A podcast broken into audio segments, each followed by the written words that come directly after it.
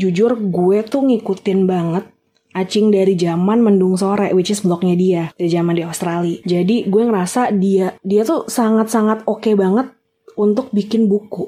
Kalau Kak Yunita suatu hari ngeluarin buku isinya tulisan-tulisan dia bisa tersirat sampai ke yang lama-lama tuh yang awal-awal gila gue sih nggak bakal miss opportunity untuk beli buku lo sih nggak apa-apa lah bukunya dalam bentuk cetak bebas aja atau free print aja dibeli secara online ya pokoknya benar-benar bisa dibaca dengan baik gitu karena pikir cerita-cerita begini kan butuh ketegaran dan keterbukaan yang besar dan aku pikir cerita seperti ini layak dibaca dan diketahui lebih banyak orang kalau emang Kak Acing mau bikin buku, bikinlah buku sebagaimana Kak Acing tuh ngomong. Biar gue tuh kayak berasa lagi ngobrol sama Kak Acing face to face.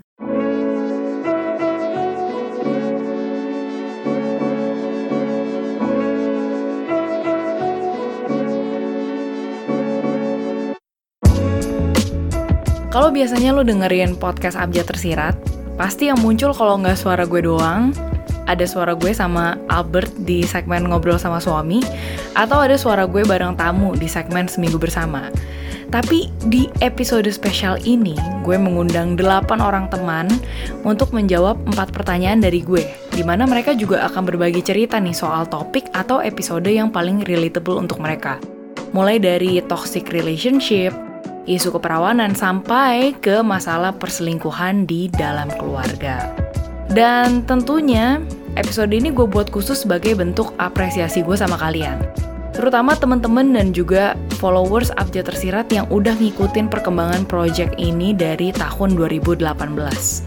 Selain itu episode ini juga bisa dibilang menjadi episode perkenalan gitu ya Untuk kalian yang mungkin baru aja ngikutin tulisan-tulisan atau podcast Abjad Tersirat kalau di episode 1 gitu kalian udah mungkin dapat bayangan lah soal topik-topik abjad tersirat yang tabu tapi ya masih lebih mudah dicerna.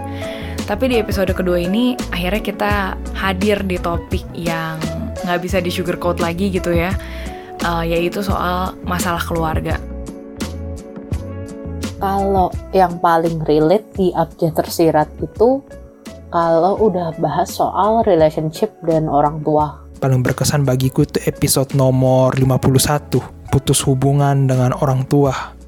Dan gue udah coba berbagai cara ngejelasin gitu ya dengan bahasa Indonesia yang baik dan benar, dengan penuh hormat, dengan penuh kehati-hatian untuk tidak menyinggung beliau gitu, tapi tetap aja gue salah.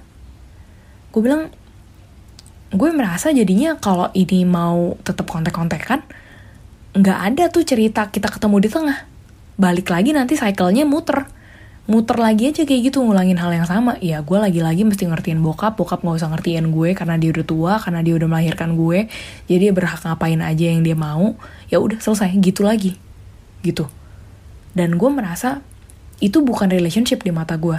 Itu namanya lo berhubungan sama orang cuma karena lo ada balas budi yang harus lu bayar. Atau lu ada tanda kutip utang hidup sama dia. Gue sedih iya. Bingung iya. Gue pengen nangis juga iya. Tapi juga ada rasa senangnya karena Kayunita mungkin mendapatkan closure gitu. Rasanya bikin campur aduk ya.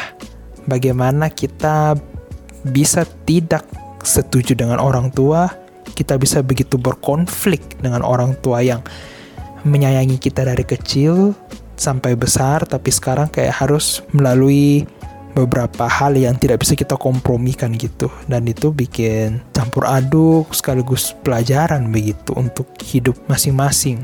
Yang kedua adalah episode cerita di balik tulisan kalau ibu punya pilihan 36 tahun lalu. Wah itu nggak mungkin gak nangis gue.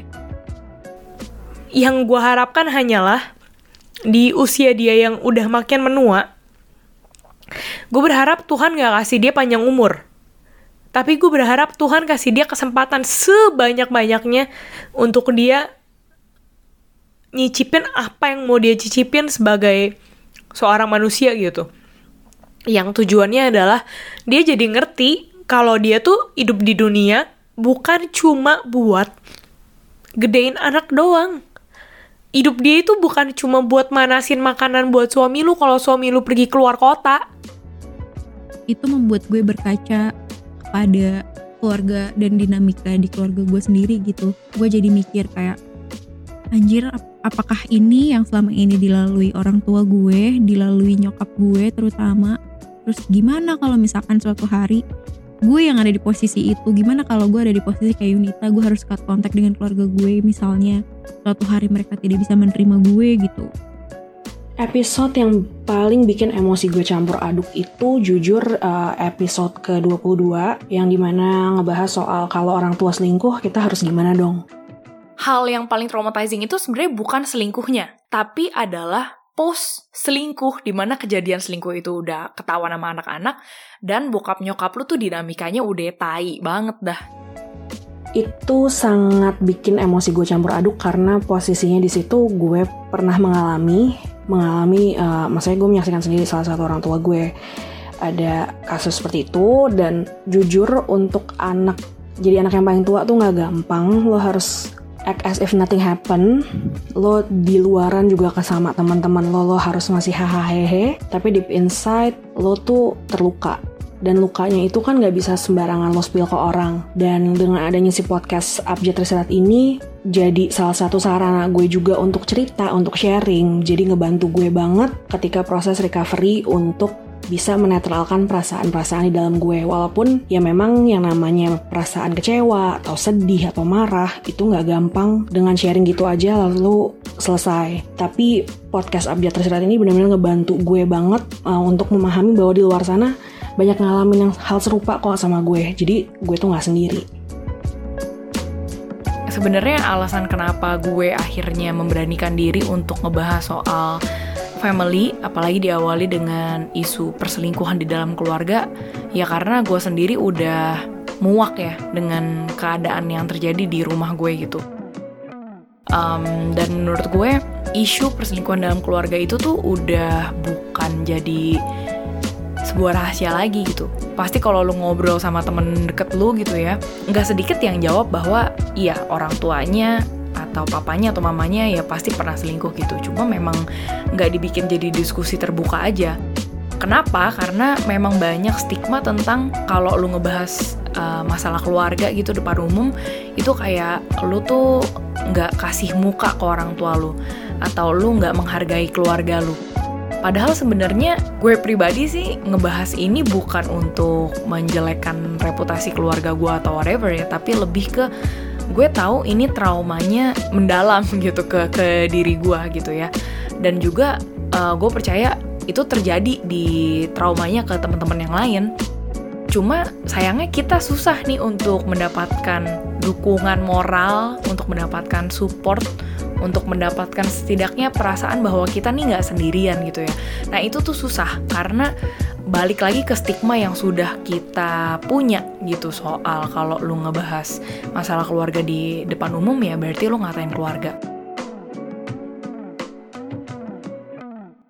Gue ngetreat proyek Abjad Tersirat ini sebagai proses gue untuk healing gitu ya. Jadi sangat penting untuk gue bisa bener-bener connect sama topik yang gue bicarakan. Dan kalau gue ngomongin tentang keluarga for sure gue go 110% untuk ngebahas itu uh, seterbuka yang gue bisa buka gitu dan kalau udah ngomongin soal keluarga, pastinya nggak lepas dari observasi kita sebagai anak dari hubungan pernikahan orang tua kita gitu ya. Dan pasti secara nggak langsung kita juga jadi belajar soal hubungan itu sendiri gitu.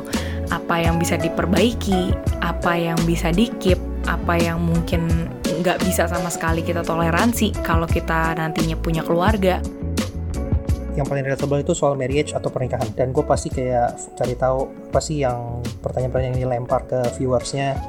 Dan jawab-jawaban mereka itu yang yang bikin gue kayaknya tuh relatable banget. Dan gue banyak belajar uh, apa yang sebenarnya gue nggak tahu. Akhirnya gue jadi tahu ternyata hal seperti ini ada dalam di pernikahan. Banyak banget sebenarnya episode-episode dari Abjad Tersirat yang selalu bikin emosi gue tuh campur aduk. Kayak misalnya gue sekarang lagi menjalani hubungan yang beda agama waktu itu Kak Yunita sempat ngepost uh, seminggu bersama yang ngomongin tentang beda agama itu gue langsung kayak wah apakah aku bisa melaluinya? Ya lo bener-bener harus pegang apa yang lo percaya dulu. Kalau misalkan lu aja nggak kuat hal kayak kayak gue mah gak bakal kejadian. Kalau misalkan gue nggak kuat gue udah nikah secara Islam aja gitu. Gue akan pindah. Sebenarnya kan itu kan itu hal yang pertama. Yang yang kedua dan yang terpenting dan yang akan lo lakukan setiap hari setiap detik itu adalah toleransi. Toleransi lu tuh harus dibesarkan sebesar besarnya gitu. Uh, episode yang paling ngena itu yang pada saat ngebahas tentang persiapan merit di kala duka. Abis bokap lu meninggal lu harus sibuk ngurusin nikahan dan dia nggak ngeliat lagi kesedihan gue setelah itu. Dia bilang lu are you okay? Beb dia sampai nanya gitu. Sampai gue sadar malam hmm. Iya gue kayak malam pertama gue malah nangis ya gue nangis karena gue sadar kayak oh oh iya yeah, bapak gue udah nggak ada nih gitu kayak gue baru kangen dia itu hari-hari hmm. selanjutnya hari-hari selanjutnya gue kayak seminggu itulah cing setelah nikah gue malah nangis tiap malam gue malah kayak inget bapak gue Episode yang bikin emosi gue campur aduk adalah episode pada saat Caci ngomongin tentang perempuan kok ngajak nikah duluan. Karena, kenapa enggak men? Kalau menurut gue kenapa episode ini relatable banget? Karena menurut gue uh, sama seperti yang dibahas sama Camel bahwa pernikahan tuh butuh kerjasama dan biasanya ide awal kerjasama tuh muncul dari satu orang gitu. Jadi bisa si cowok bisa si cewek. Ini bukan masalah gender equality atau dan sebagainya macamnya tapi menurut gue siapa pun berhak untuk mengemukakan idenya di kerja sama tim. Hmm. Ikna pun sudah berpikir sendiri tanpa gue taruh pisau di pinggir ininya. Dia pun udah berpikir sendiri matang-matang. Maksudnya, iya ini keputusan yang gue ambil, gue siap penerima resikonya gitu. Daripada hmm. rather than waktu dulu misalkan gue ngambek-ngambek sama dia kayak, hmm, nggak nikah-nikah ya aduh lu gak cocok ngambek sih Mel muka lu pengen gue tampar di laptop um, sebutin satu episode dari update tersirat yang bikin emosi lu campur aduk uh, udah lama banget sih ini jadi kayak yang takut nikah karena bisa selingkuh gitu Gak apa-apa, lu gak perlu paksa diri lu untuk maafin orang lain dulu kalau lu kecewa. Lu cuma perlu maafin diri lu dulu sekarang. Anjir, gila gue nangis sekarang tapi gila loh pas gue denger itu gue yang tadinya apa ya itu berasa kayak gila kayak gue bakal ngulangin apa yang bokap gue lakuin ke nyokap gue gue bakal selingkuh sama banyak orang uh, dan ngecewain pasangan gue doang tapi saat itu gue percaya bahwa ada kekuatan yang lebih gede lagi yang bisa bantu gue jadi manusia yang lebih baik gitu. Jadi yang gue bilang tadi gue lagi uh, di early marriage jadi gue kayak lagi happy happynya terus kayak dengar ada ada reason orang takut nikah karena cenderung selingkuh itu gue kayak bingung dan kaget sejujurnya kayak buat pelajaran juga sih. Lu pasti ngeliat gue tuh kayak kalau udah ngomongin relationship yang kayak menggebu-gebu banget gitu ya. Karena uh, di mata gue relationship itu sesuatu yang orang sering banget underestimate gitu. Um, gue inget ya kayak um, waktu itu gue ngobrol sama Lex de Praxis. Jadi dia adalah uh, salah satu co-foundernya kelas cinta gitu. Dan kita sempat ngobrol di segmen seminggu bersama karena dia adalah tamu pertama di situ. Dan dia ngomong bahwa interesting aja sih orang itu sangat literate tentang tentang duit tentang pendidikan. Tapi kalau misalnya udah ngomongin relationship, entah kenapa semua orang jadi buta. Padahal itu bisa dipahami dan lu bisa melakukan persiapan sebaik-baiknya sedemikian rupa seperti lu sedang mempelajari tentang keuangan juga gitu loh, misalnya gitu. Dan gua sendiri menjadi saksi mata sekaligus korban dari orang-orang yang mengunderestimate relationship itu sendiri, terutama pernikahan gitu ya di mata gue itu yang akhirnya menjadi suatu apa ya kayak kayak that the topic always finds me wherever I go gitu dan gue merasanya mungkin karena deep down gue punya ketakutan besar uh, untuk tidak mengulangi kesalahan-kesalahan yang sudah orang tua gue lakukan misalnya atau kesalahan-kesalahan yang sudah orang-orang sekitar gue lakukan di dalam hubungan pernikahan tentunya ya. Nah kalau tadi kalian udah ngedenger beberapa episode dari segmen Seminggu Bersama. Gue sebenarnya mau ngejelasin nih tentang lahirnya segmen seminggu bersama karena jujur gue nggak gitu melakukan promosi yang heboh gitu ya di Instagram soal segmen ini karena gue one man show dan uh, gue capek untuk ngepromot banyak hal gitu. Uh, dan sebenarnya segmen seminggu bersama ini lahir dari ide dadakan dan kecelakaan yang beautiful gitu. Jadi awalnya gue tuh diajak kolaborasi untuk menjadi media partner sama Kelas Cinta di bulan Februari tahun 2021. Dan akhirnya singkat cerita gue menjadi media partner mereka dan salah satu kolaborasinya adalah uh, gue mengajak salah satu co-founder Kelas Cinta untuk uh, di interview di podcast gue gitu. Jadi akhirnya uh, ngobrol lah gue dengan Lex de Praxis dan itu pertama kalinya banget gue kenalan sama dia, ngobrol sama dia dan asli itu anaknya memang critical thinkingnya soal cinta tuh bener-bener dalam ya gitu. Ya, lu coba bayangin ya, ketika lo ketemu ada satu bagian yang yang tadi lo bilang mengasah, mengasah atau hmm. bentrok atau nggak cocok, bayangin can you live with that asahan sampai lu mati nanti? Itu dulu tuh. Jadi itu hmm. itu pertanyaan gue tadi itu itu inquiry tadi itu inquiry yang berlawanan sama most what most people think. What most people think adalah gini sekarang kan kita bentrok nanti makin tua pasti akan makin enak gitu loh akan makin nyambung karena dia pasti berubah. Itu insting normal kita pikirnya gitu. Dia pasti akan bisa berubah. Kekuatan cinta akan mengubah dia Sailor Moon semua orang ya kan? But jangan gitu. Yang justru uh, apa namanya thought thought eksperimennya adalah Bayangkan sampai dia titik tua nanti, nafas penghabisan gua atau dia nanti, dia masih persis sama seperti sekarang yang bentroknya itu loh.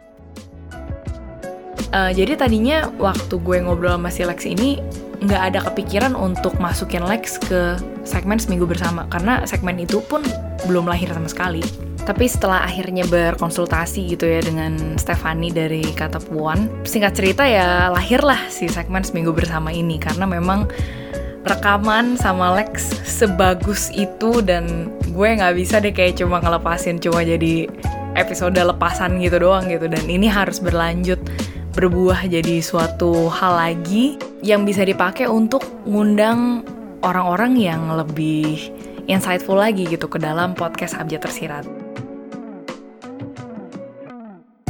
Dan selain segmen seminggu bersama, ada segmen yang lahir karena kecelakaan lagi gitu ya, yaitu segmen ngobrol sama suami.